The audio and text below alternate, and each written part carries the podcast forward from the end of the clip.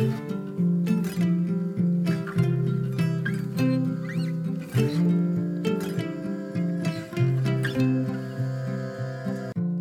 och välkommen till For Health med Anna Sparre. Idag blir det intervju med Peter Wilhelmsson med fokus på DNA-tester. I förra avsnittet med Peter så pratade vi lite mer allmänt om genetik, epigenetik med mera. Så om du vill kan du börja med att lyssna på det. Men det går också utmärkt att bara lyssna på det här avsnittet. Idag får du en introduktion till DNA-analyser och vad man kan få ut av dem för att förbättra sin hälsa. Du som tycker att det här ämnet är intressant kan gå en utbildning i DNA och DNA-tester i Stockholm i september. Peter berättar mer om denna utbildning med funktionsmedicinsk inriktning i slutet av intervjun. Och du kan också läsa mer och anmäla dig på alfaplus.se DNA och epigenetik. Du hittar anmälan längst ner till höger på sidan eller skicka ett mejl direkt till Alfaplus om du vill anmäla dig. Det finns också en direktlänk till DNA-kursen från avsnittsinformationen för det här avsnittet på forhealth.se. Om du gillar den här intervjun så blir jag jätteglad om du vill dela med dig av den på Facebook, Instagram eller till en vän. Det gör det lättare för mig att få hit intressanta intervjupersoner. Tack på förhand! Glöm inte heller att boka mig som föreläsare till ditt event. Jag föreläser både för företag, föreningar och privata grupper. Och om du är nyfiken efter avsnittet så hittar du mer information på forhealth.se. Jag påminner också dig som inte redan gjort det. Gå in och lämna ett betyg eller en recension i iTunes. Jätteviktigt för poddens överlevnad och ett riktigt stort tack till alla er som tagit er tid att göra det. Näringsmedicinaren Peter Wilhelmsson är en av Sveriges mest välkända profiler inom naturmedicin och funktionsmedicin. Peter var också med i avsnitt 81 och lärde oss en massa spännande saker om mikronäringsämnen som vitaminer, mineraler och antioxidanter. Och Peter berättar även mer om sin egen resa och sin bakgrund i USA i det avsnittet.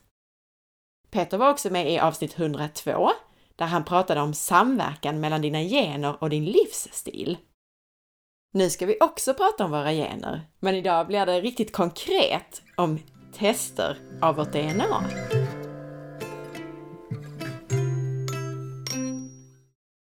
Hallå Peter!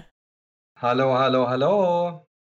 I förra avsnittet så avslutade vi med att prata om vad man får reda på i ett DNA-test och vad man ska ha dem till. Kan vi kort berätta det igen om det är någon som inte har hunnit lyssna på förra avsnittet? Ja, man behöver göra en sån här DNA-test bara en gång för det visar vad vi har fått med oss genetiskt sett, vilket templet eller vilka instruktioner vi har eh, för att eh, skapa en kopia av oss själva och för att vi ska hela tiden utvecklas eh, så, som en människa. Så finns det den här informationen och sen pratar vi om hur den här informationen kan påverkas av eh, olika faktorer, faktorer från eh, din historik, från känslomässiga, eh, fysiologiska, miljömässiga, livsstilen. Allt det här kan påverka den här DNA-informationen. Så att den DNA-informationen som vi får från en DNA-analys är en grundförutsättning. Det är vad man har med sig, kan man säga, vad det gäller för möjligheter men också eh, vad det är för fallgropar. Eller vad, vad man ska, hur man ska parera, hur man ska göra i sitt liv för att optimera de positiva tendenser och för att minimera de negativa tendenser. Så att den här DNA-analysen är, är ett fantastiskt verktyg som man kan använda eh, under hela livet för att hjälpa en eh, med vägledning. Förra veckan när vi pratade så sa du någonting väldigt viktigt också och då sa du det här med att en del gener kan tystas ner medan en del kan uppregleras och bli ännu starkare, ännu tydligare så att säga. Och det beror väldigt mycket på det du sa nu, det här med hur man lever och eh, hur man äter och sådär. Ja, alltså inom eh, funktionsmedicinen som jag jobbar väldigt mycket med Eh, så har man en, eh, eh, en, en, syn på kroppen och på hälsan att vi kan hela tiden jobba med att optimera funktioner. Kroppen har en dynamisk självläkningsförmåga och när vi gör rätt saker så bidrar vi hela tiden till optimala funktioner och optimal självläkning. Och när vi vet mera noggrant hur vi kan eh, personanpassa, eh, hur vi kan använda livsstilen eh, så att den är anpassad just för mina behov, då blir det kraftfullare resultat än att vi bara gör som andra gör, som vi tror är väldigt bra men som kanske inte är lika viktigt för vissa personer och, och, och, och det kanske är viktigare för andra och mindre viktigt för just mig beroende på mina förutsättningar. Så vi ser de här förutsättningarna för att förbättra funktioner. Så att inom funktionsmedicin så vill vi förebygga ohälsa, vi vill förbättra funktioner, vi vill förbättra de möjligheterna vi har. Och där ser jag DNA-analysen som en, eh, eh, eh, en bra verktyg som ger oss möjligheter. Så att eh, jag vill att eh, människor ska se de stora möjligheterna med DNA-analyser för att skräddarsy eh, livsstilsåtgärder som gör dem lyckligare och friskare.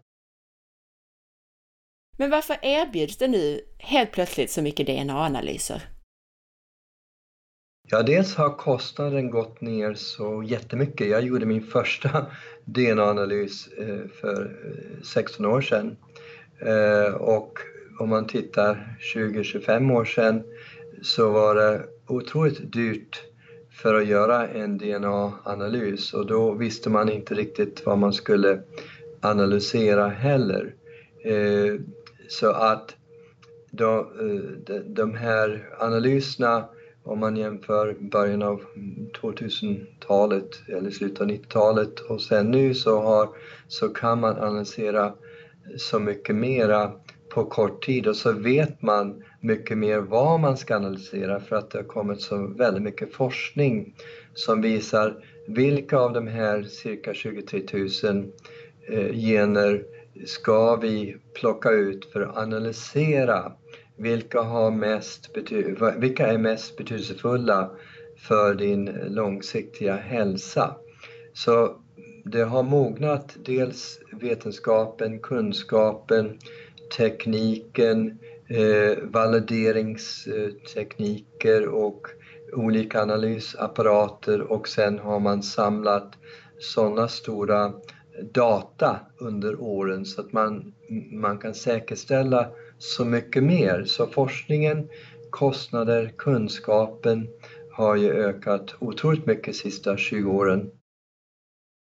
Kan man lita på testerna, på testresultaten?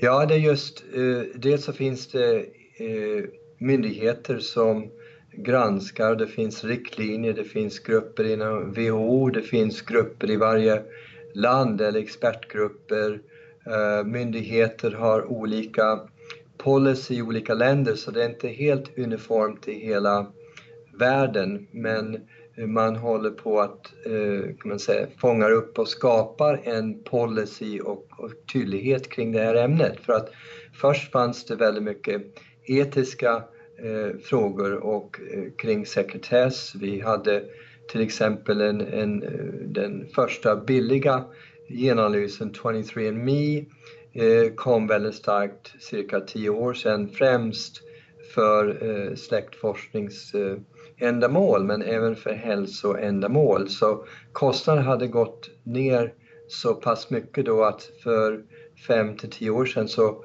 så började den här 23andMe komma upp på marknaden och efter ett tag så fanns det en hel del eh, kontroverser eller diskussioner och riktlinjer vad det gäller eh, sekretess då. Så det är dels sekretessfrågorna är viktiga så att eh, man var rädd, många var rädda att en, en eh, potential arbetsgivare till exempel skulle neka en anställning på grund av de fick reda på att man hade tendenser till kanske vissa sjukdomar. Så att de här diskussionerna och eh, olika expertgrupper och utredningar har ju pågått nu i, i tio år för att utveckla den här policyn plus regelverk kring kontroller av analyserna. Så att eh, det finns standard och, och man, det finns validering och, och naturligtvis så eh, alla seriösa större företag de skickar inte ut analyser utan att de vet att de är väldigt reproducerbar. Så de gör ju dubbelanalyser hela tiden, kalibrerar sin utrustning, gör dubbelanalyser så att de vet att det blir samma svar om de eh, gör om eh, samma analys. Och man brukar göra analyser via saliv eller via blod då.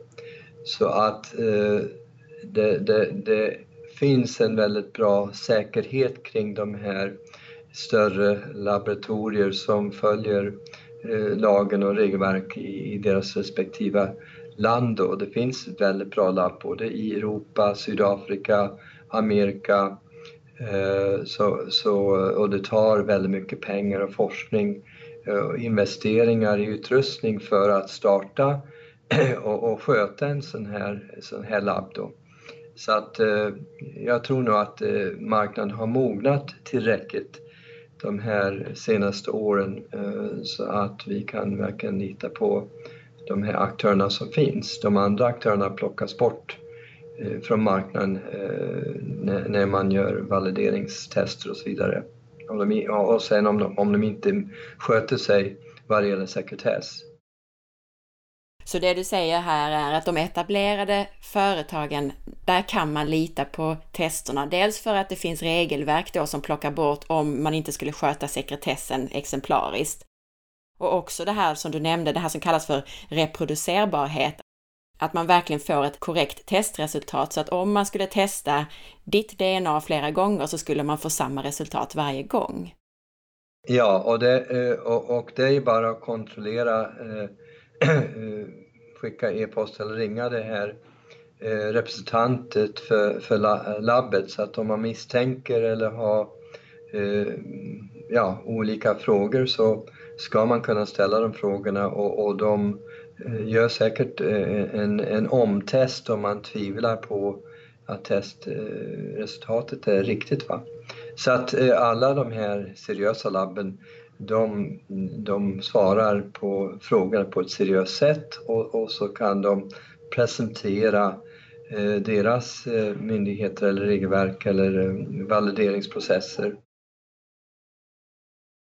En del är säkert rädda för precis det som du förklarar att de inte behöver vara rädda för, att resultatet av deras test skulle kunna lämnas vidare till till exempel en arbetsgivare eller ett försäkringsbolag.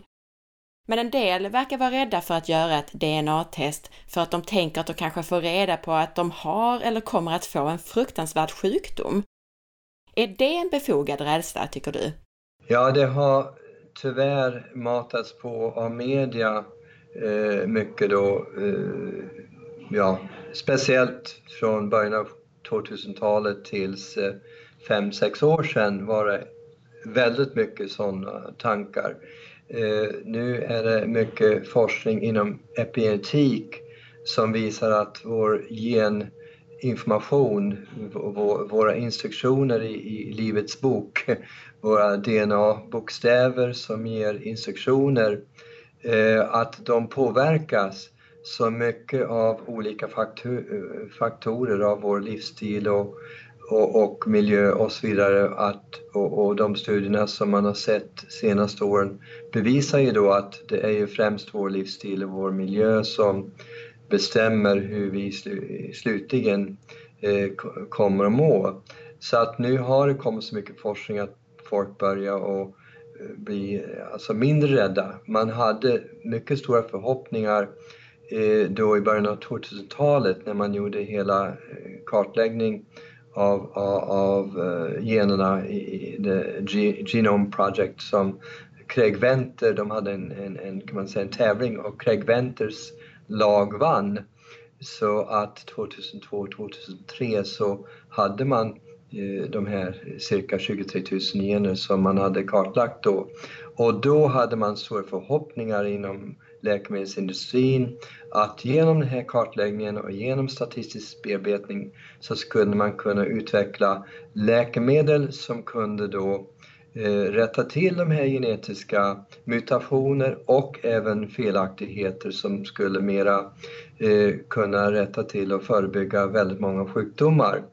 Men nu senaste tio åren så har det blivit mycket tydligare då att det finns bara begränsade sjukdomar eller mutationer som man, man kan ha en begränsad effekt eh, genom att man kan då manipulera eh, den här DNA med, med, eh, med läkemedel. Men nu kommer den här CRISPR-tekniken, CRISPR, som man kan eh, läsa mycket om och, och, se att det finns väldigt eh, stora möjligheter att kunna då eh, säger, strukturera om eller programmera om eh, vissa gener då som har stor betydelse för hälsan. Så att det är en, det är en typ av ny teknik som, som kommer mer och mer, CRISPR-tekniken, men läkemedelsförhoppningarna att kunna styra eller påverka hälsan väldigt mycket genom eh, kartläggning av gener, det har faktiskt blivit en besvikelse vad det gäller de här kroniska sjukdomar. Däremot så har det blivit väldigt bra för de här grövre mutationer. Men genom att utveckling av sjukdomar beror oftast på inte bara eh, några genavvikelser men det är en kombination av många genavvikelser i kombination med epigenetiska påverkan från miljön och från livsstilen. Och eh, jag brukar bedöma, ge en bedömning av ungefär 10 till 15 procent av, av din hälsa beror på dina gener. Och sen är det 85 cirka procent av din hälsa beror på hur du och din miljö och din omgivning då eh, kan man säga påverkar de här generna, hur de uttrycker sig. Så att det, det mesta handlar om hur vi påverkar våra gener och inte generna i sig. Och vi ska ju titta lite på ett exempel på en analys, en DNA-analys senare. Men det du menar då är att även om vi får ett resultat som Eh, visar till exempel att vi har den här ApoE, E4, E4 som innebär en förhöjd risk för hjärt och kärlsjukdom. Att det resultatet i sig innebär inte att vi nödvändigtvis får en hjärt och kärlsjukdom utan det kanske ger dig lite högre risk men om du lever bra så klarar du dig bra ändå. Ja, och det är genom att man har nu kartlagt att det är många olika gener som samverkar för ett, ett starkt, eh, ett stark tendens. Så det är inte bara en genavvikelse, det är många. Så att om man till exempel har en sån här, eh, som jag har, eh, en, en sån eh, svaghet kan man säga eh, med, med den här, eh, e, eh, den här eh, A på E, eh, så, fyra då, E4, som bidrar till en, en, en, större risk. Så finns det andra saker då som fettomsättning och, och inos till exempel, eh, en typ av genavvikelse, eh, resultat som gör att man har sämre kärl eller sämre e, e, endotelvävnad eller att man man får stelare kärl, mera ordförkalkning. Så det finns många olika gener eh, som påverkar insulinresistens eller inflammation eller, eller som påverkar hjärt och kärl.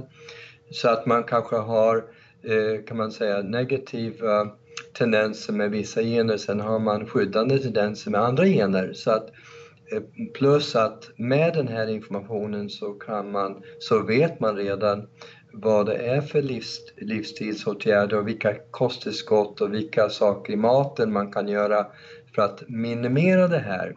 Så någon som har positiva tendenser och, och, och lever eh, slarvigt kan man säga, eh, tror jag har mycket större risk att råka ut för de här problemen för att vi vet eh, riskerna eh, och följderna av en, en, ett liv utan aktivitet och, och, och när man äter skräpmat. Så att det är mycket större risk om du äter skräpmat och är inaktiv och har bra gener än om du har sämre gener och så gör du någonting åt dem. Är det någon skillnad mellan olika labbs DNA-tester? Skillnad? Jag, jag har använt olika labb från USA tidigare eh, Eh, då när jag först tog mina tester för eh, cirka 15, det var mellan 12 och 15 år sedan, jag kommer inte ihåg exakt, men det var i början av 2000-talet.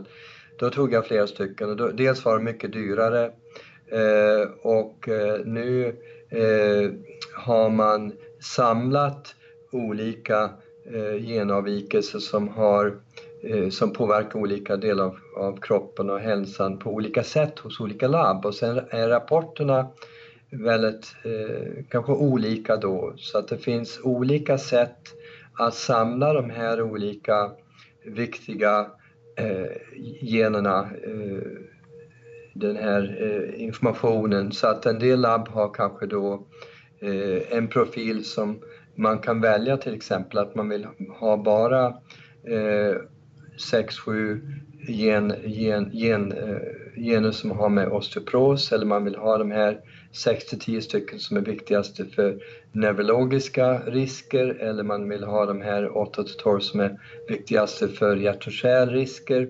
Så att en del labb jobbar så att om man vet till exempel att man har eh, föräldrar eller vi har släktingar som har risk för hjärt-kärlsjukdomar.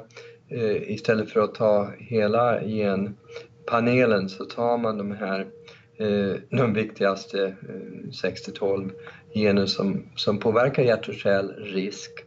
Och sen andra, andra labb tar 23andMe, då får man massor med information många, många gener, mycket, mycket information men man får inte så mycket tolkning. Då får man gå till andra sajter för att tolka eller man får ha professionella hjälp för att tolka.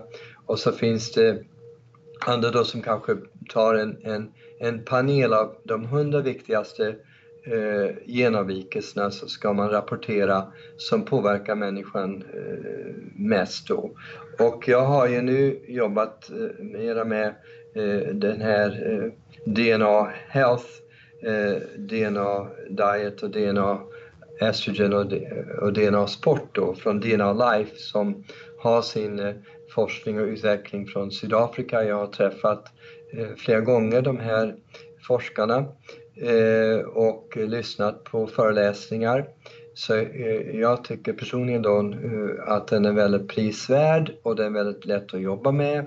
Och då har man då 28 gener som man testar för DNA Health och den är väldigt översiktlig. Och jag som terapeut gillar det här översiktliga för att när, jag, när en person kommer och vill ha hjälp så eh, vet jag inte eh, kanske från början hur, hur, jag ska skjuta in mig. Vad ska jag liksom fokusera på? Så att jag vill först ha en översikt, lika som jag vill ta en hormonanalys för att se hur ligger alla mineralerna till, hur ligger tungmetallerna till, då, då ser jag en översikt på mineraler, tungmetaller. Och om jag vill titta på hela Eh, kroppen eh, med, vad det gäller gener så då är det en bra översikt med den här DNA Health för där får jag de här 28 generna som eh, påverkar åtta nyckelområden.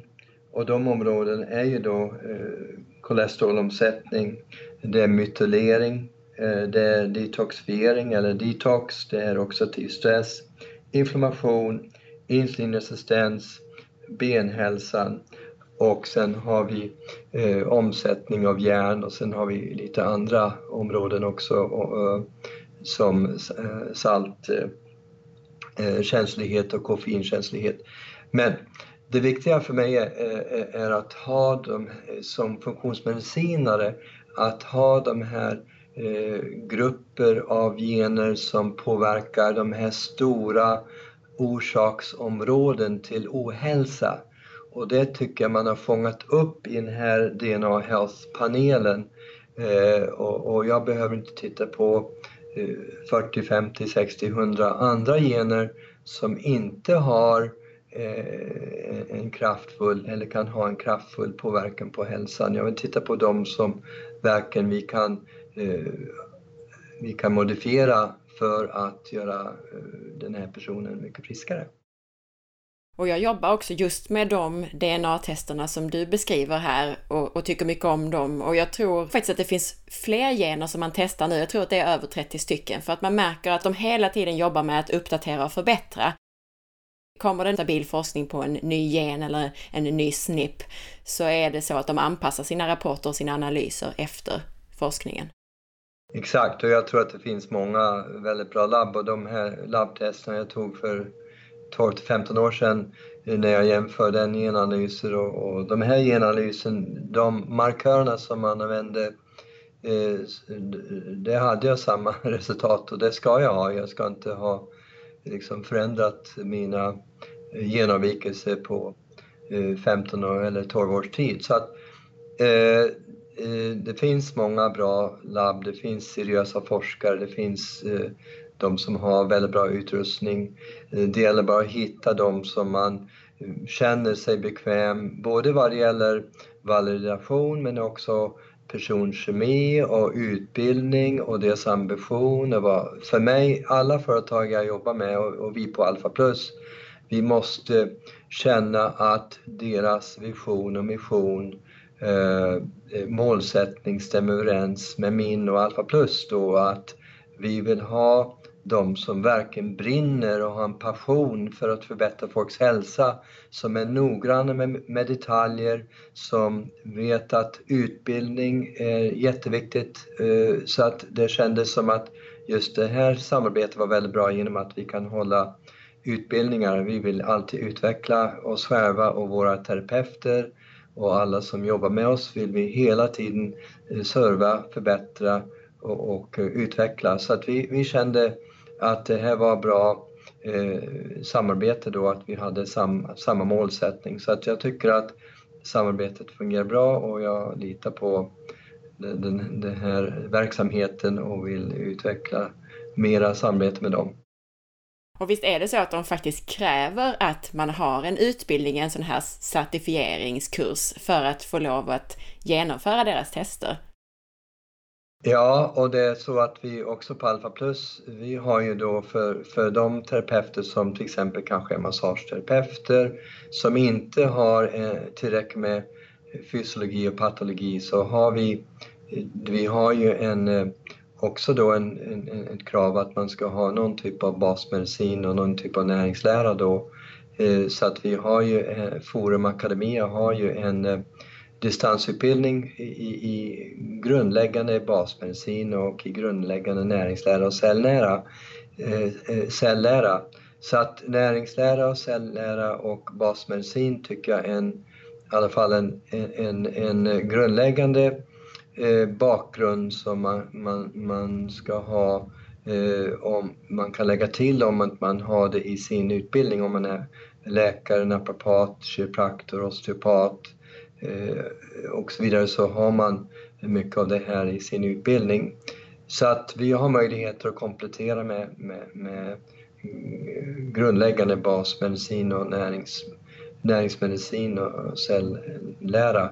Så det tycker jag är en bra komplement eh, som gör att man kan förstå det här bättre. Sen måste man damma av biokemin också då.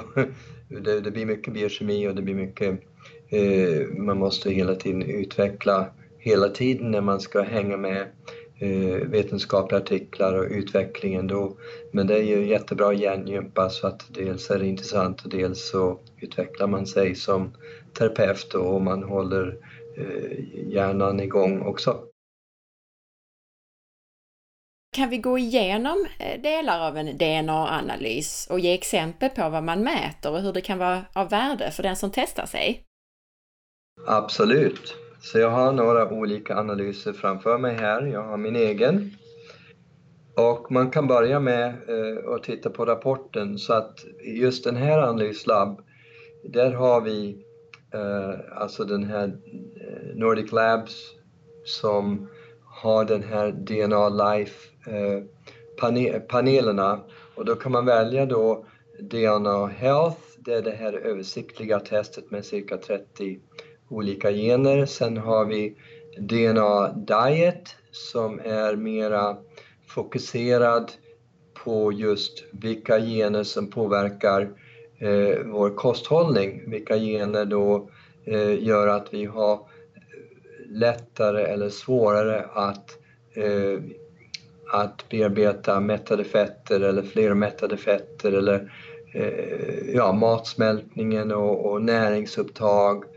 Så den är utmärkt för de som är kostrådgivare som vill eh, anpassa, eh, personanpassa kosten.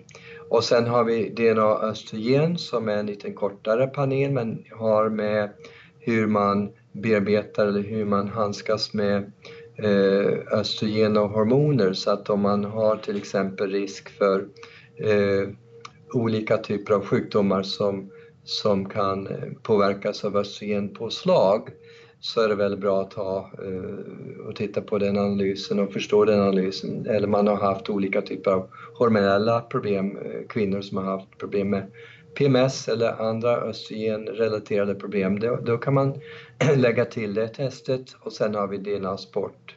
Och den kan man använda då för de som tycker om att träna och den, den ger information om just eh, om man är mer lämpad för uthållighetsträning, eh, mera intervallträning, styrketräning, benägenhet, skadebenägenhet till exempel. Eh, så då kan man använda den eh, också informationen som empowerment för att eh, alltså se möjligheter att justera i sin träning för att optimera sin, ja, sin, sina resultat eller sin, sin, sin träning och, och undvika skador. Så att de, vi har fyra olika rapporter och den som är grundläggande för vem som helst oavsett om man väljer DNA Diet eller DNA Sport eller DNA Östrogen så är bastestet, grundläggande testet som tittar på eh, de här faktorerna som påverkar hela kroppen, det är den här DNA Health.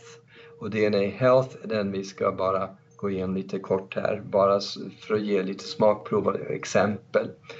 Och eh, det finns på början av testet så finns det en färgkarta så att en grön färg, en grön prick betyder att eh, man har en, en, en eh, positiv eh, genbild och eh, en gul är att det är en, en väldigt eh, svag eh, Eh, påverkan eller ingen påverkan, den är mer neutral. Sen den här orangea pricken och den röda pricken eh, den orangea den är medel påverkan och den röda är hög påverkan. Så alla de här genavvikelser som man tittar på, då är det mest att man, eh, man ser, man, man, man, fokuserar mera på de som har eh, Eh, röda prickar eller orange och röda, plus att man tittar på kombinationer som en terapeut. Det är därför det är så bra att de som är terapeuter och vill jobba med det här går den här certifieringskursen. För det är inte att man tittar på liksom bara på en gen, man, man tittar på ett mönster av gener. Och det finns då gener eh, som sagt var som kan kompensera andra gener som kan kompensera för en gen som kanske är, har en negativ påverkan så hittar man andra som har en positiv och, skyddande påverkan. Så att det är viktigt, likaså som med en hormonanalys, att man tittar på där tittar man på mineraler och metaller, hur de påverkar varandra. Här tittar man på olika gener, olika genmönster, hur de påverkar varandra. Eh, och så sen eh, tittar man också på möjligheter, de positiva generna eh, och ser hur de påverkar det hela. Du sa det, men jag ska förtydliga det att de här orangea och röda prickarna betyder inte att rött ljus, nu är det kört, utan det betyder att det här är områden som du kan påverka med din livsstil. Ja, exakt. Det är det som uh, är så fantastiskt, att det är bättre att veta och påverka än att inte veta och inte påverka. Eh, Lika som det är bättre att gå till tandläkaren och, och veta att det är lite karies på gång. Men vi behöver inte lägga in, vi behöver inte fylla tanden, vi behöver inte göra någonting åt tanden men nu måste vi vara extra noga att borsta just på det här sättet, just där. Uh, och uh, där är ett bra exempel tycker jag. Att det är bra att veta, här är en liten fallgrop, här är lite någonting som vi kan påverka för att förbättra din hälsa. Så ser jag det. Vi tar första området då. Så då har vi eh, lipid metabolism och det är om eh, hur vi handskas med fetter av olika slag. Nu, nu tänker många då på, på eh, kolesterol, eh, kolesterolomsättning och det vet vi påverkas mycket av kosten och av eh, motionen och, och av livsstilen.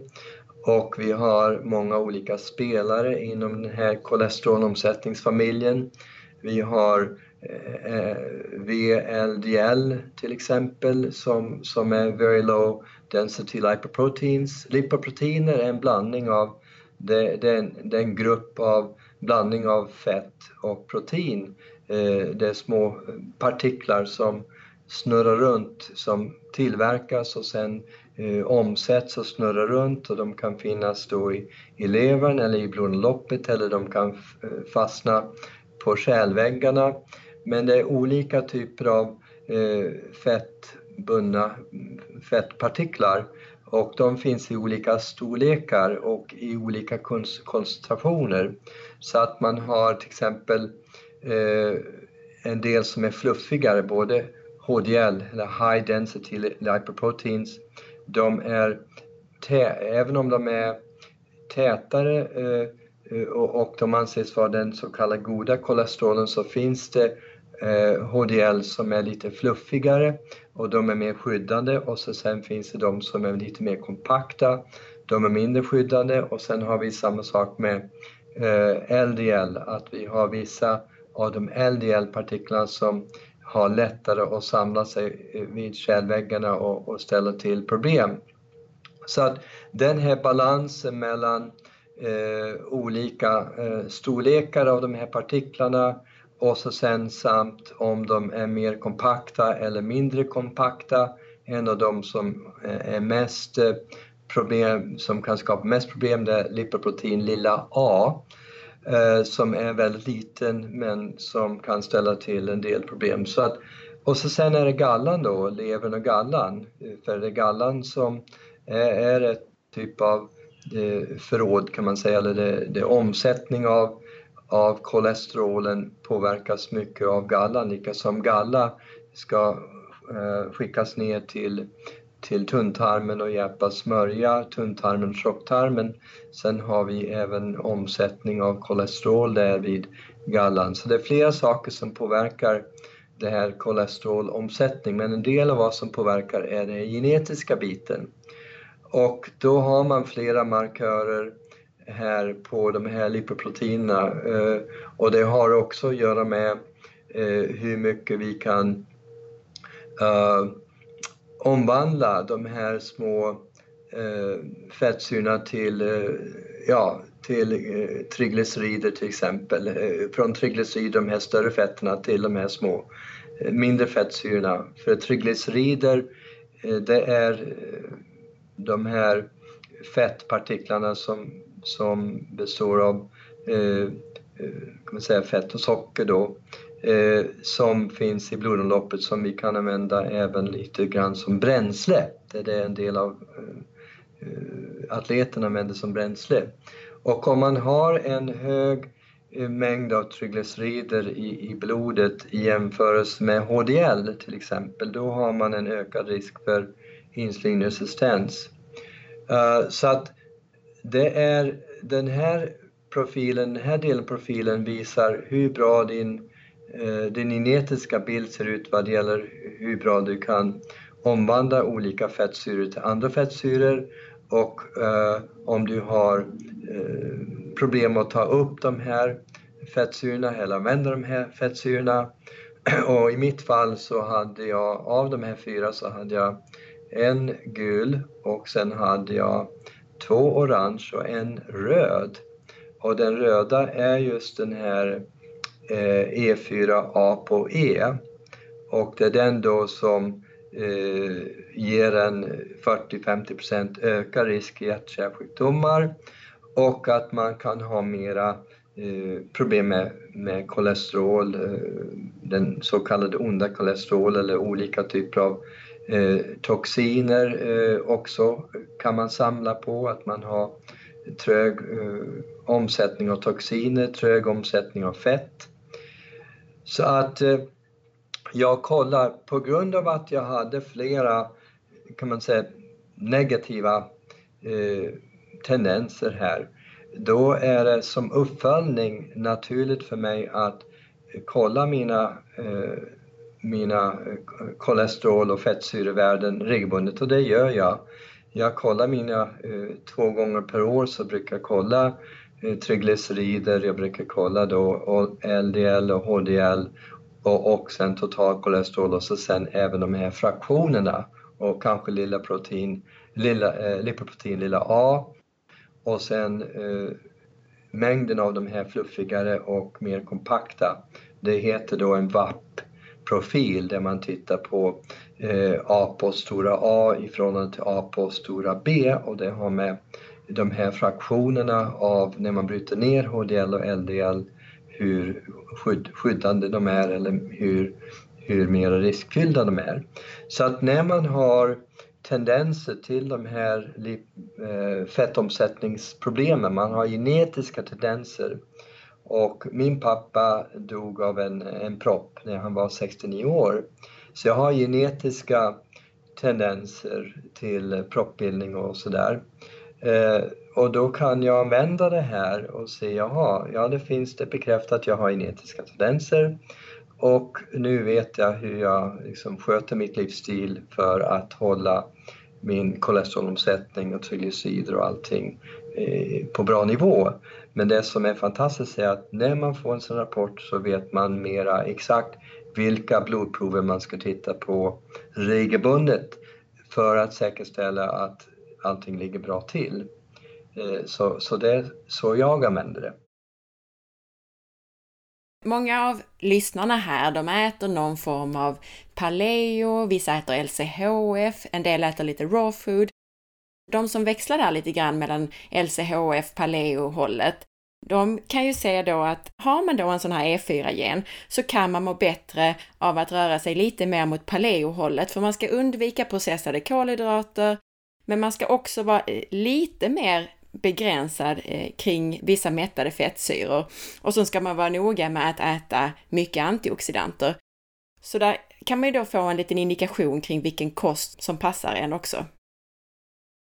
Absolut, och det är därför jag rekommenderar, jag förstår att en del personer har gått ner i vikt eller de minskat sin diabetes och haft olika framgångar med att eh, slopa skräpmaten och, och, och skräpkolhydrater och gå över till LCHF. Men det, problemet, eh, många av dem, är att de är inte så fokuserade på kvalitet. Det är därför jag tycker om Pauluns eh, LCHQ. Det, det, är en liten uppgradering av LCHF för att eh, dels är det vilka fettkällor du väljer och vilka förhållanden mellan mättat fett och flermättat fett och det är inte, det är inte bara mättat fett och mättat fett så att om du äter mycket mer kokosolja till exempel jämför att du äter isterflott eller fläskkött så är det en skillnad då. Bägge är mättat fett men det ger olika signaler och eh, det finns en, eh, man kan överdriva med allt. man kan överdriva med mättat fett och då eh, speciellt om man har den här genetiska benägenheten då är det en, en stor nackdel för då de, dels så eh, kanske man inte får i sig tillräckligt med omega-6 och omega-3 fettsyror eller omega-9 fettsyror. Så omega-9 eh, fettsyror kanske man byter ut mot mättat fett. Så att det gäller att ha eh, en bra balans. Så att en, en analys man kan följa upp med förutom en, en blodanalys för att kolla fetterna är ju då fettsyreanalys. Så när man gör en fettsyreanalys då kan man se eh, om man har överdrivet och ätit för mycket omega-6 eller omega-3 eller eh, mättad fett Eh, för att det finns väldigt stor samlad forskning som visar att omega-6 till omega-3 ration är en av de absolut viktigaste eh, kvoten för att förebygga hjärt och kärlsjukdomar och många sjukdomar. Man vill ha en optimal ratio där av omega-6 till omega-3. Det var ju ett litet exempel här från fettomsättningen och kolesterolomsättningen. Nästa område är ju metylering. Beskriv lite där i ditt test. Metylering då, eh, det är ju då eh, ett sätt som kroppen hela tiden påverkar vår DNA. Eh, som vi pratade om förra gången då, att, att metylering kan stänga av eller tysta ner, ratta ner signaler från DNA så, som har negativ påverkan för, för din hälsa. Sen finns det alltså en påverkan eh, i vår DNA som finns i vår cellkärna men sen eh, finns det signaler då, eh, som går vidare till DNA som finns i våra eh, ribosomer. Det är ribosomerna som eh, kodar eller, eller bestämmer vilka proteiner vi använder. Där har vi också en DNA som kan påverkas och den DNA påverkas epigenetiskt. Och eh, de här olika typer av DNA vi har i cellkärnan, i ribosomerna, eh, de påverkas av den här metyleringen. Metylering kan man säga är nästan som en, en potential för en välskött städfirma i cellen. Eh, Intracellulär detox kan man säga. Eh, man kan se det som att det ser till att det inte eh, då samlas eh, slaggprodukter som ger fel signaler. En av de här slaggprodukterna som samlas när det inte fungerar bra är homocystin. Homocystin kan man ta i ett vanligt labbprov, det är ett blodprov, så den tar jag också då på grund av att jag har, för det ser jag hur den ligger till och den ska ju ligga helst mellan eh, 6 och 8, ja 5 till 8 kan man säga det värdet. Och om man har en sån här metyllerings uh, eh, genavvikelse som jag har, jag har den här MTHFR-avvikelse, den är röd. Och så sen har jag eh, eh, några andra former, eh, de är gula och gröna då och så sen en, en KOMT, eh, den, den, typ av också då en, en, typ av Eh, reglering av både neurotransmittorer men som också kan påverka metylering. Där har jag orange, så jag har några markörer inom metylering som är försvagade.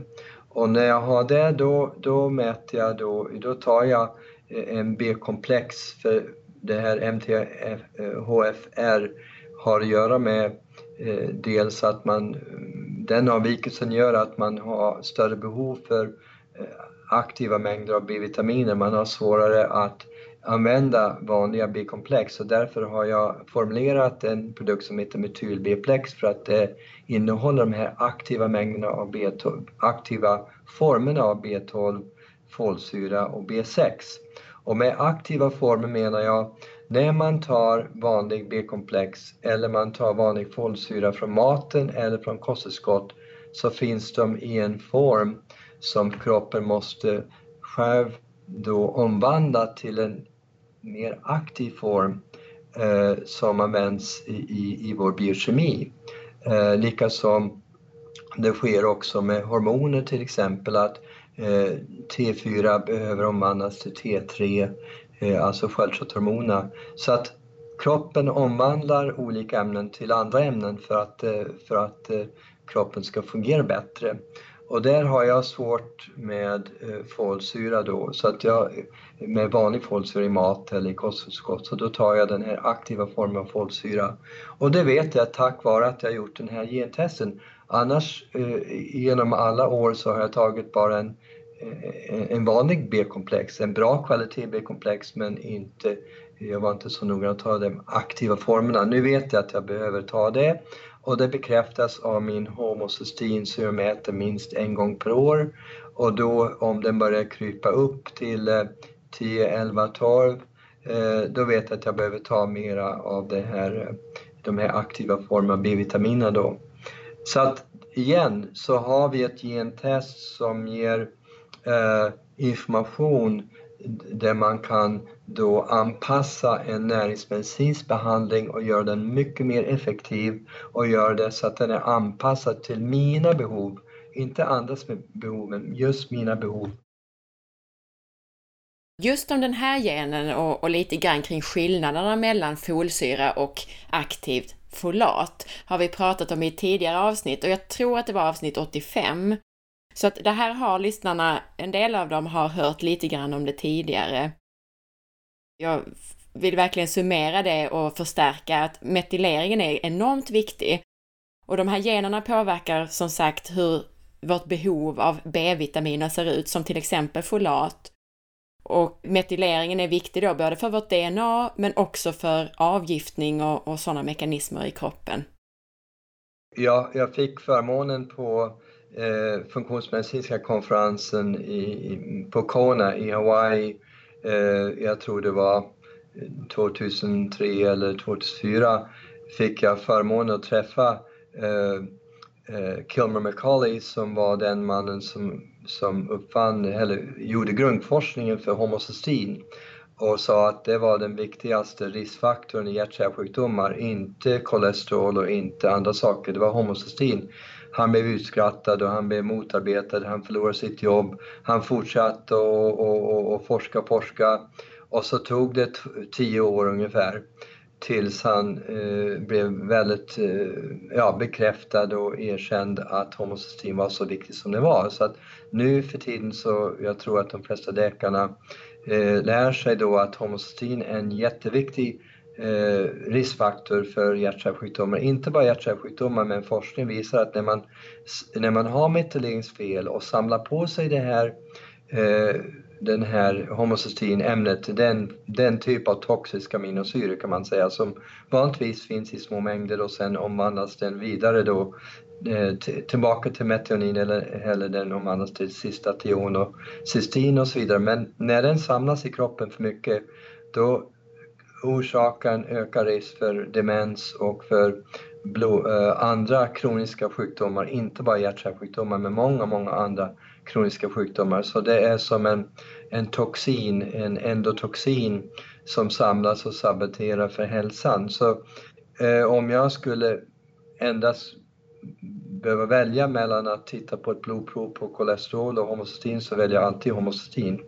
Eh, nu, nu tittar jag på alla men, men det är så pass viktigt och om läkaren, om den läkaren som går, du går till eh, inte vet vad det är eller inte förstår det eller aldrig mäter det, då tycker jag de ska gå tillbaka till skolbänken eller i alla fall läsa, läsa lite rapporter för att den är så pass viktig. Metylering är viktig för alla processer i kroppen, alla celler i kroppen och att de fungerar som de ska. Så att det här är en väldigt värdefull del av vår eh, DNA-rapport här. Och ett ökat homocystein är precis som du har beskrivit tidigare, det är ju ett tecken på att metyleringen, att det är ansamlas. Homocystein är ju ett tecken på att metyleringen inte pågår som den ska. Så det kanske inte är homocysteinet i sig nödvändigtvis som skapar problemet, men problemet är att metyleringen inte funkar. Ja, så den, den, den delen tycker jag är jätteviktig och, och, och speciellt om det finns eh, hjärt, hjärt och kärlsjukdomar eller demenssjukdomar i, i, i familjen. Eh, så att eh, ni kan gärna googla och läsa om homocystein och om metylering. Det, det är väldigt viktigt för hälsan. Då tar vi oss till detox-delen här i provet. Vad har du där? Vad säger dina resultat? Ja, där kan ni verkligen hoppa. Ha, ha, ha, ha, Där har jag full pott. Jippi! Wow, wow. Jag har bara gula, jag har fem olika gula eh, punkter här. Det är fem olika markörer och jag har gult på alla, alla de markörerna men de flesta personer har inte gult, det är väldigt ovanligt. Så de flesta brukar ha problem med några av de här. Och jag kan säga allmänt att det här med detoxifieringen, uh, om vi tittar på, tänker på levern då, för att det är levern då som uh, gör mycket av grovarbete vad det gäller kemikalier, metaller, uh, hormoner till exempel och, och, och, då har vi en så kallad fas 1 detoxifiering del då där, där, där man binder olika fettlösliga ämnen och så skickar de vidare. Så att, eh, och sen har vi en, en, en fas 2 där man tar de här vattenlösliga ämnen då, då som har brutits ner till vattenlösliga ämnen och så sen binder man dem och så för man ut dem. Det kan vara via svett, det kan vara via urin, en del går via avföring. Men, men det är ju då vår lever som jobbar mycket med det här och, och en del av de här, de här fem markörerna, Eh, en del har med med de här eh, cytokrom P450 enzymerna som det här CYP1A1 till exempel. Det finns två sådana. Och eh, de, de, det är en familj av, eh, av enzymer som hjälper att binda eh, eh, olika och, och, och, föra in i detoxsystemet olika typer av Eh, läkemedel till exempel. Eh, det finns eh, kemikalier, det, det som man får från plast eller från, från miljögifter av olika slag. Sen finns det även östrogen, omsättning av östrogen. För när östrogen snurrar runt i kroppen, om den finns för länge i kroppen så är det inte bra för hälsan. Den ska brytas ner och den ska föras ut. Man ska ha alla våra eh, neurotransmittorer, alla våra hormoner ska snurra runt och göra sin, sin sitt arbete ett, ett visst antal eh, tid eh, sekunder eller vad det är och, och, så sen ska det brytas ner och föras vidare, eh, utsöndras. Så den här, de här fem visar dels eh, de här CYP1A1, alltså de här viktiga, en av de större viktiga cytokrom P450 eh, enzymer och det är den här vi kallar för eh, fas 1 eh, delen i, leveravgiftningen. Och sen visade de här eh, GSTM, GSTP, GSTT och det har med bindning av glutation. Glutation är ju den viktigaste eh, aminosyror som vi bildar själv, vår viktigaste antioxidant som är en aminosyra kan man säga.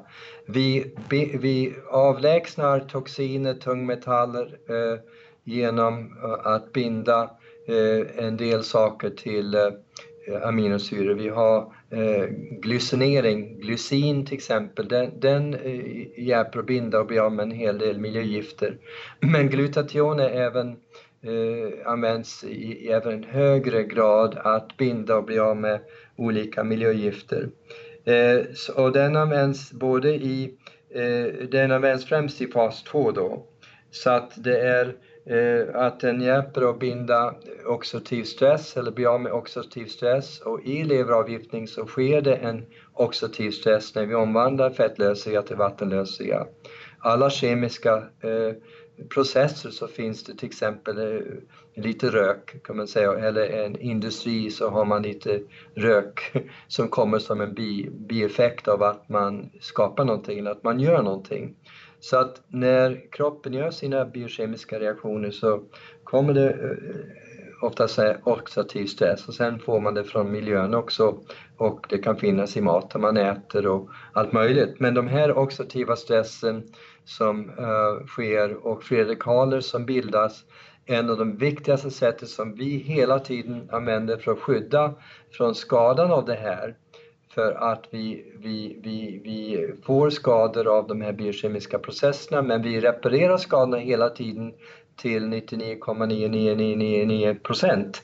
Men det finns en liten skada kvar då kan man säga som sker som gör att vi åldras eh, och vi kopierar inte oss själva lika bra då eh, vi gör lite, lite sämre kopior av oss själva eh, under, under 80 års tid kan man säga. Och det är mycket av det är på grund av oxidativ stress till kollagenet till exempel. Och då de här glutationmarkörerna, eh, när de eh, visar att man har problem, då har man mera problem för oxidativ stress, man har mera problem för avgiftning. Och glutation kan man höja på olika sätt. Eh, den här enzymen glutation eh, S-transferas, den kan man höja på många olika sätt. Man har sett att till exempel att om man använder vassleprotein, om man använder kolostrum, om man använder höga doser C-vitamin Eh, och det finns andra naturämnen som kan stimulera det. Akupunktur kan stimulera att du bildar mera.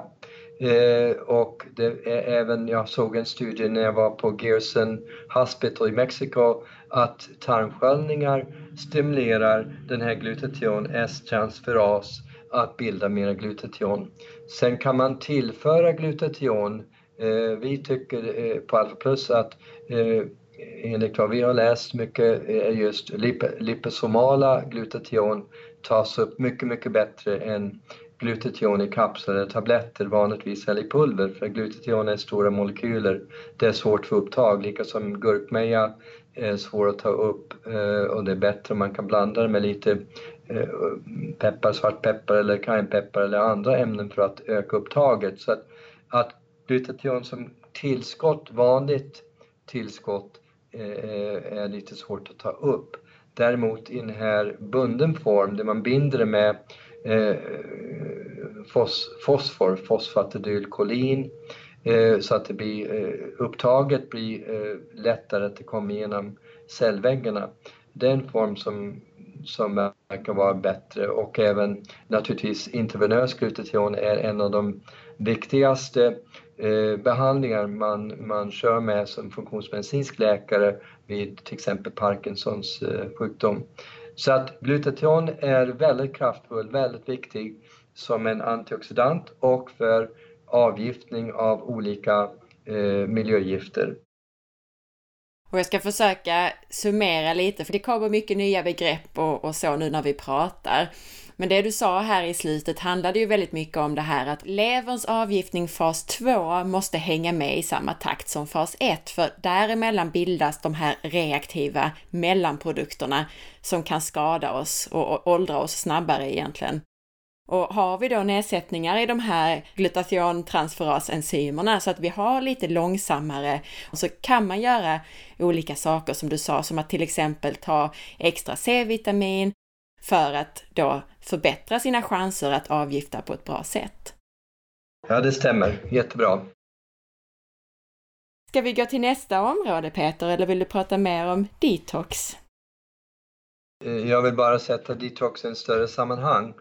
Jag tar några enkla begrepp och, och, och det är ju då att eh, jag tror första målsättningen är att man ska ta in eh, mindre gifter än man utsöndrar. Så alla av oss eh, Eh, Eh, alla av oss är bättre eller sämre på att utsöndra de gifter vi, vi får i oss via dricksvattnet eller via luften eller via maten eller på annat sätt. Så att om vi kan äta ekologiskt och vi kan använda kosmetiska produkter som är renare och vi kan använda eh, hygienprodukter eller schampo, allt, allt som är renare och renare.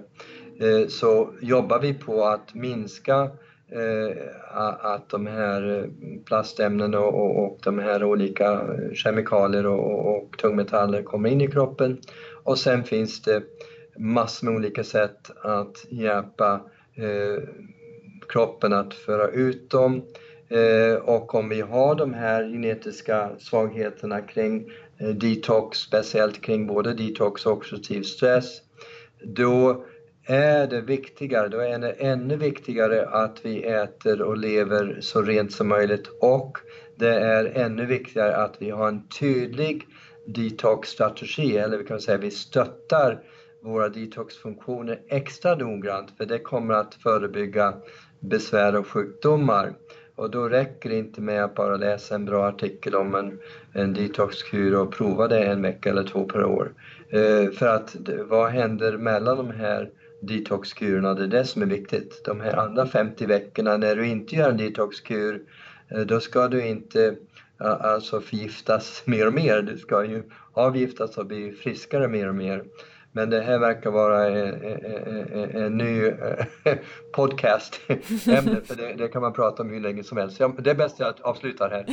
ja. Tack så mycket Peter för den intressanta informationen. Nästa område i analysen här är inflammation. Har du något exempel där? Ja, där har vi två markörer på inflammation och, och det är markörer som eh, oftast då används inom sjukvården, speciellt den här eh, IL, IL6 är en och en, sen är det tumor necrosis factor, alfa.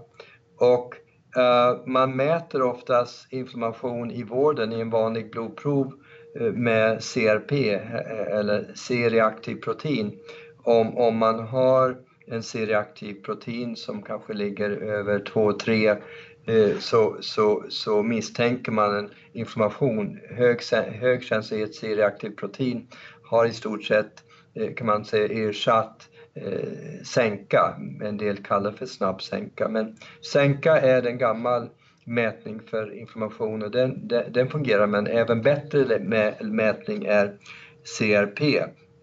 Så om man har en genetisk svaghet som jag har, jag har en orange på eh, interleukin 6. Om man har en svaghet där, då ska man se till när man gör sina blodprover, sin årliga blodprov eller oftare, då ska man se till att CRP finns med. För då kan man se om man sköter sin livsstil och sin, ja, sin kost och kosttillskott, om man sköter det rätt, då har man ingen förhöjd CRP trots att man har en genetisk belastning på interleukin 6. Och sen har vi den andra, eh, tumor necrosis factor A. Det är eh, ett kemiskt ämne som är, eh, som är proinflammatorisk. Och den, i mitt fall så är den gul, så att det, det, det är ingen belastning där. Men om man har en eller två av de här, så grunden är ju då en antiinflammatorisk kost. Kosttillskott är alltid ett tillskott eh, till en terapeutisk kost. Så att jag vill att alla mina patienter, klienter, de som jag träffar, jag vill att de äter en, en, eh, en, en växtbaserad vitalkost, en terapeutisk kost som håller dem friska och gör dem friskare. Eh, och, och, om det finns tendenser till inflammation, då betonar man mera den här antiinflammatoriska kosten. Eh, och sen kan man eh, sen finns det många saker som är antiinflammatoriskt vad det gäller kosttillskott. Alla känner till fiskolja tror jag. Krillolja, fiskolja, sälolja, alla de här olika. Eh, kalimariolja eller, eller bläckfiskolja. Eller, det finns de här olika omega-3 eh, tillskotten, de är antiinflammatoriskt. Sen finns det mycket, många, många örter och mycket annat som är antiinflammatoriskt. Så att om man har en belastning här så antiinflammatorisk kost plus antiinflammatorisk tillskott och så mäter man eh, minst en gång per år CRP om man har redan symptom eller har eh, tendenser till symptom då tycker jag man ska mäta och justera sin kost och kosttillskott eh, oftare än en gång per år. Tack för den Peter. Och nästa område här heter oxidativ stress. Har du något exempel där?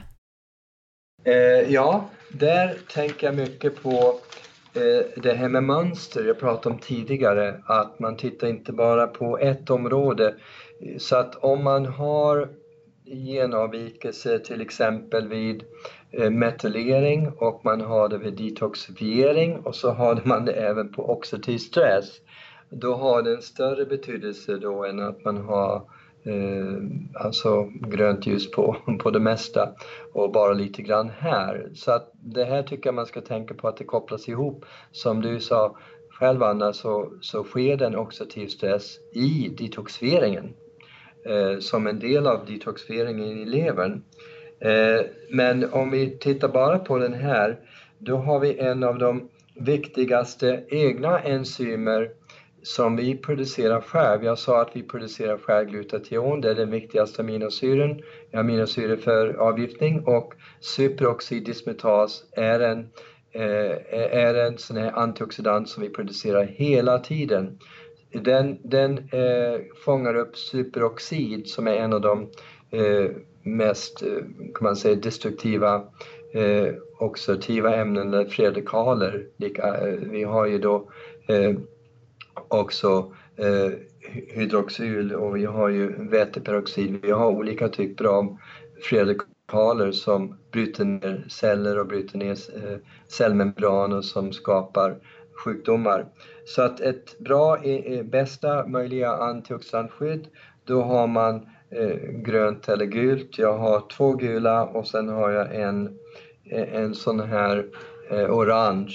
Jag har en orange på SOD2 eh, som, som har med superoxidismetas eh, skyddet där. Sen första märket är Inos och Inos har att göra med eh, bildning av kväveoxid i våra endotelkärl. Och den, den tänker man speciellt i samband med de här lipoproteinerna.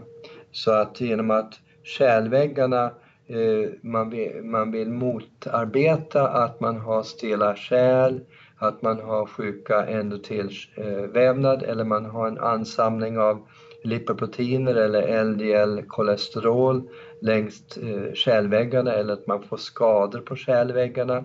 Så kärlvägshälsa och endotelhälsan eh, det är inos som påverkar en hel del och, och om man har sämre med inos så, så då tänker man mera på K2, man tänker mera på Eh, nitrater i kosten som rödbetsjuice och, och eh, att äta rucola och eh, eh att äta spenat och andra nitratrika saker som det finns väldigt bra studier på eh, som till exempel granatäpple. Eh, granatäpple har väldigt positiva studier för hjärt och kärlbesvär. Så att man anpassar igen sin kost och Eh, program enligt eh, eh, det här, de här markörerna också för oxidativ stress. Och ett annat viktigt ämne faktiskt, vi pratade om solljus här i ett av de tidigare avsnitten. Och solljus kan ju också påverka kväveoxidnivåerna, så det är också ett sätt att har man då den här genen eller den här varianten av genen som gör att man behöver lite extra kväveoxider och eh, nitratrik mat så kan man också se till att vistas i solen lagom mycket för att bilda lite mer kväveoxid. Ja, till exempel en vecka varje månad på Mallorca. Perfekt. Ja. det är inte alla som kan det, men det är en bra målsättning. Nästa del i den här analysen heter benhälsa. Har du ett exempel där? Här har jag blandat eh, pott. Jag har ju eh, fyra olika markörer. Ja, tre är, har mer med benhälsa eh, och den andra har med kolen, men jag har två röda och två eh, gula då.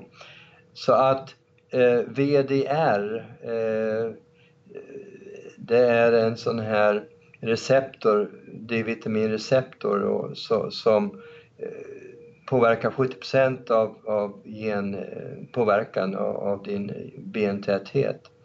Så att det är inte bara eh, hur mycket solljus du får eller hur mycket D-vitamin tillskott du tar eh, som påverkar din eh, D-vitaminstatus. För, för de flesta kan inte fylla på tillräckligt när de äter eh, fisk och, och, smör och ägg. Eh, det, kan, det, påverkar också men de flesta får inte tillräckligt den vägen. Men eh, det är också receptorerna hur, mycket, hur man bildar D-vitamin för att det, det, sker många olika steg vad det gäller solljus. Det ska det, det sker ett steg vid, vid huden där att man ska ha tillräckligt med kolesterol och så sen, sen ska det ske ett annat steg ner i levern och sen sker det ett annat steg i njurarna.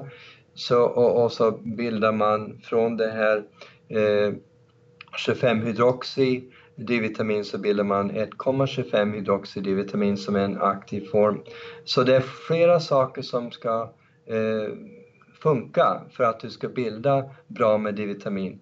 Och som med all, allt annat inom biokemin så är du som person bättre eller sämre på att bilda D-vitamin än andra. Om du får samma dos av D-vitamin, vi säger att du solar med din kompis med samma kropps eh, exponering, så du har samma bikini på dig, samma mängd av kroppen som solas och ni sitter där en, en, en timme i, i, mellan klockan 11 och 3 säger vi då i, i solen utan att uh, du har anpassat dig och det är utan att du har lotion på dig.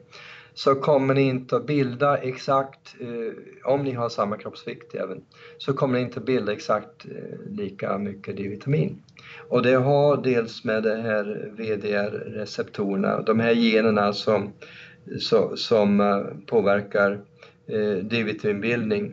Och så sen finns det Eh, de här genvarianterna eh, som, eh, som påverkar andra delar av, av, av omsättning av kalcium. D-vitamin påverkar hur kalcium omsätts i, i och K-vitamin påverkar hur den omsätts eller bildar skelettet och sen finns det andra ämnen som magnesium som påverkar som en synergist till D-vitamin och det finns då bor som påverkar som minskar eh, då kan man säga urkalkningen av skelettet. Så det är många näringsämnen som, som samverkar för att bilda eh, ett friskt skelett och sen naturligtvis eh, viktbärande motion är väldigt viktigt då.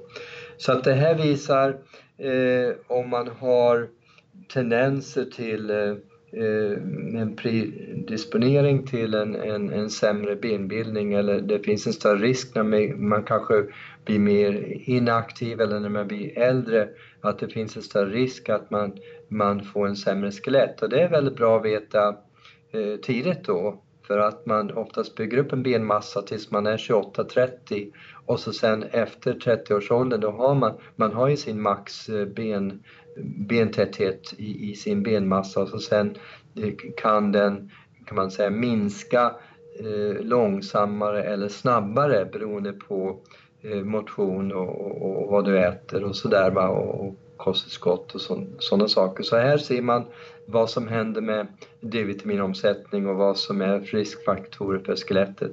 Jag har inga problem där. Jag har gjort min ben, bentäthetsmätning då och då och jag tar så, jag tar så höga doser D-vitamin och sen älskar jag solen men det är inte så mycket eh, sol man får hela året här. Men jag, jag, jag, jag ligger bra till med väldigt höga doser B-vitamin och, och D-vitamin och, eh, och viktbärande motion har jag gjort hela mitt liv. Eh, och sen tar jag med K-vitamin och magnesium och andra eh, faktorer. Så att jag tror att eh, jag har kompenserat för den här svagheten. Nästa område heter insulinkänslighet. Berätta lite där. Där har vi eh, olika transportmekanismer eh, som receptorer och transportmekanismer. Så att när vi ska få in insulin då har vi, eh, Eh, vi, vi, vi egentligen så ska vi få in eh, glukos in i cellerna för vi, vi, vi, har en viss mängd av glukos som snurrar runt i blodet och det är cirka en, en tesked i hela vår kropp vi behöver. Vi behöver inte ha så mycket glukos. Eh, därför är det eh, inte nödvändigt att man äter extra socker för att fylla på. Men i alla fall, då ska den här insulinen, en transportmolekyl, den transporterar glukos till en receptor in i cellen, för cellen behöver hela tiden ha eh, en del glukos och så får det inte samlas så mycket i blodet för då kommer den att skapa eh, kan man säga, deformerade proteiner plus att det kommer att skapa mer kroppsfett. Så att då insulin ska hålla sockret på lagom nivå i blodet och sen ska den komma in i cellen så att vi kan använda det som bränsle, till exempel när vi skapar energi i ATP-energi. Och då har vi olika receptorer som gör att det kommer in lättare eller svårare. Så om vi har en defekt i de här receptorerna eller vi har genproblem, då är det svårare att bära in det här eh, glukoset eller man är mindre känslig för insulin. Så man vill vara insulinkänslig. Uh, och det betyder att när insulinet knackar på uh, vid cellmembranen uh, så svarar jag. Jag kommer till dörren och jag säger välkommen och så sen transporteras glukos in i cellen och, och, och då är det frid och fröjd. Och eh, däremot om eh, jag inte lyssnar, för jag, jag inte hör att insulin knackar på med sin glukos för att jag lyssnar på musik, jag hör ingenting, då måste de knacka eh, starkare och högre och högre tills jag, jag hör och sen, sen eh, hoppas eh, insulinet att jag är på god humör och släpper in glukosen. Så att eh, tendensen är när man får mer och mer insulinresistens, så småningom så utvecklas det metabolt syndrom och diabetes. Och det är när man eh, kanske då inte hör, oavsett hur mycket det knackar på så släpper man inte in så mycket insulin. Eh, eller man är döv, så man släpper inte in insulin. Så att man vill behålla en insulinkänslighet. Så när man har markörer, eh, i mitt fall så har jag två orangea och två gula. Om man har eh, markörer på de här olika eh, eh, faktorerna som tar emot insulin eller transporterar insulin in i, i, i cellkärnan, då, då, då kan man förbättra det med maten och med motionen och, och med eh, tillskott till exempel eh, krom, höga doser av krom och magnesium kan hjälpa. Och, eh, Eh, men eh, där, där, kan man eh, ha en väldigt stark påverkan via sin livsstil på om man har en sämre insulinkänslighet. Det, det blir sämre och sämre med åldern oftast. Så att de här genetiska tendenserna, det ska man kolla sen via labbprover på glukos och på HbA1c. Så HbA1c, det är den här långsamma översiktssocker eh, och glukosen är den här eh, sockermängden just nu. Och, och eh, de, de, de vill man helst båda två ha då fem eller under fem helst då. Man vill inte vara uppe i, i sex eller mer än, än den siffran. Så att eh, den här är väldigt bra, speciellt att eh, veta om man har eh, tendenser från familjen, från familjemedlemmar som har blodsockerhanteringsproblem. Då, då ser man hur mycket av, av de tendenserna man har. Och sen den sista delen, eller de sista delarna i det här testet handlar ju om hur man svarar på olika sorters mat och näringsämnen. Det handlar om järn och det handlar som du sa om salt och sådana här delar.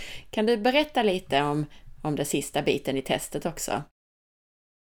Ja, de, de sista bitarna, eh, det är inte så omfattande, det är bara några markörer. Så att den första har med laktosintolerans och visar om man har Eh, Eh, benägenhet att inte kunna bryta ner laktos om man inte eh, producerar tillräckligt med laktas. Eh, så att det, det, en laktas är ju enzymet som bryter ner laktos och om man inte producerar det så, så antingen undviker man laktos eller man då eh, väljer att ta låg eller, icke, eller laktosfria produkter eller man tillsätter laktas ta enzymer, laktas eller enzymkombination som är laktas när man fuskar och äter någonting med laktos. Då vet man hur laktoskänslig man är och sen det här nästa är FADS1 och det har med eh, hur man bryter ner, där hade jag en, en röd, jag hade en gul på laktos, jag kan äta yoghurt och så vidare.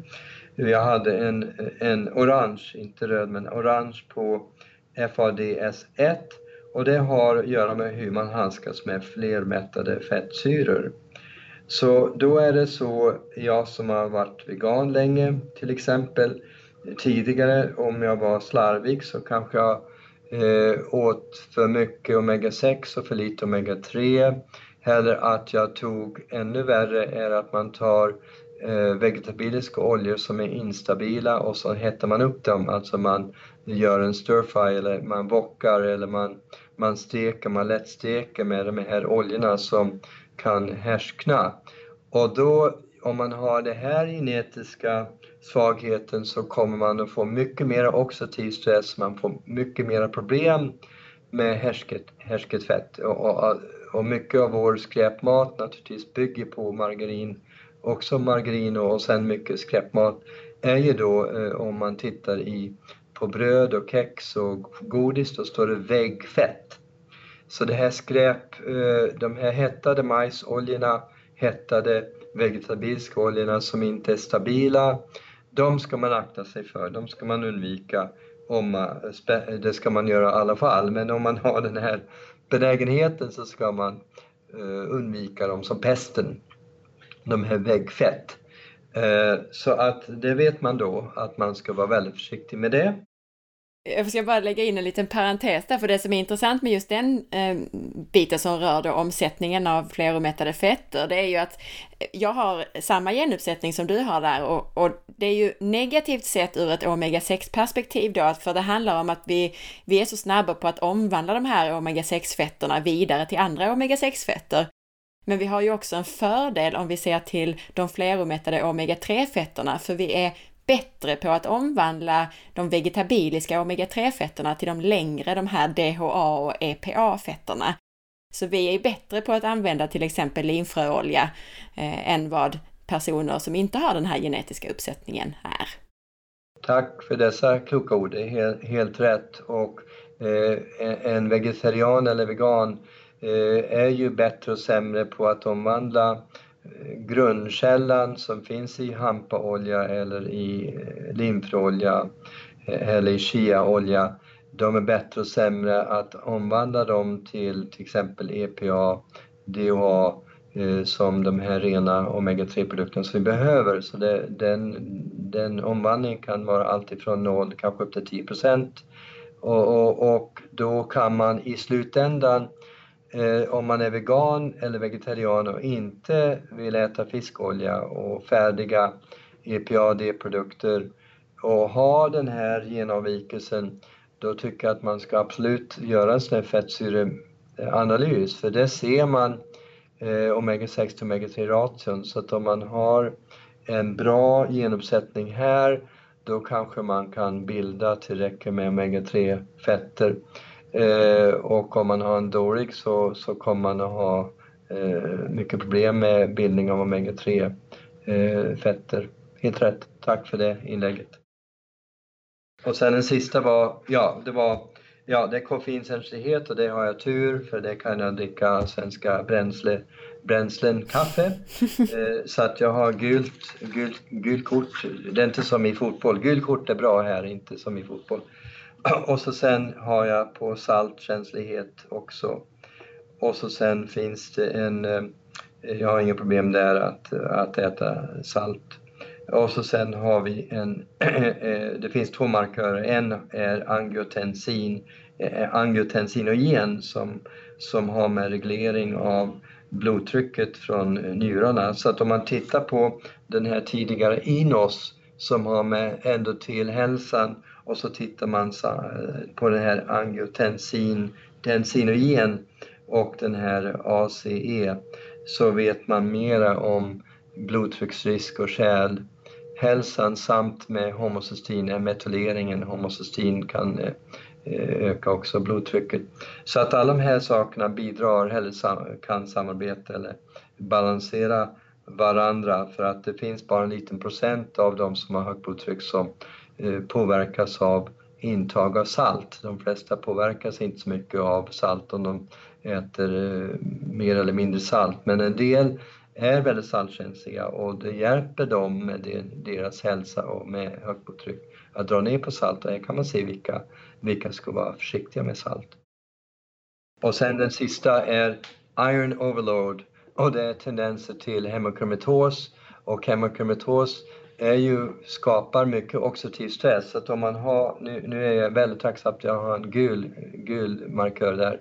Men om man har en, en orange eller röd markör, eh, speciellt om man har det i, i kombination med oxidativ stressmarkörerna, eh, så är det en ökad risk för eh, alla kroniska sjukdomar.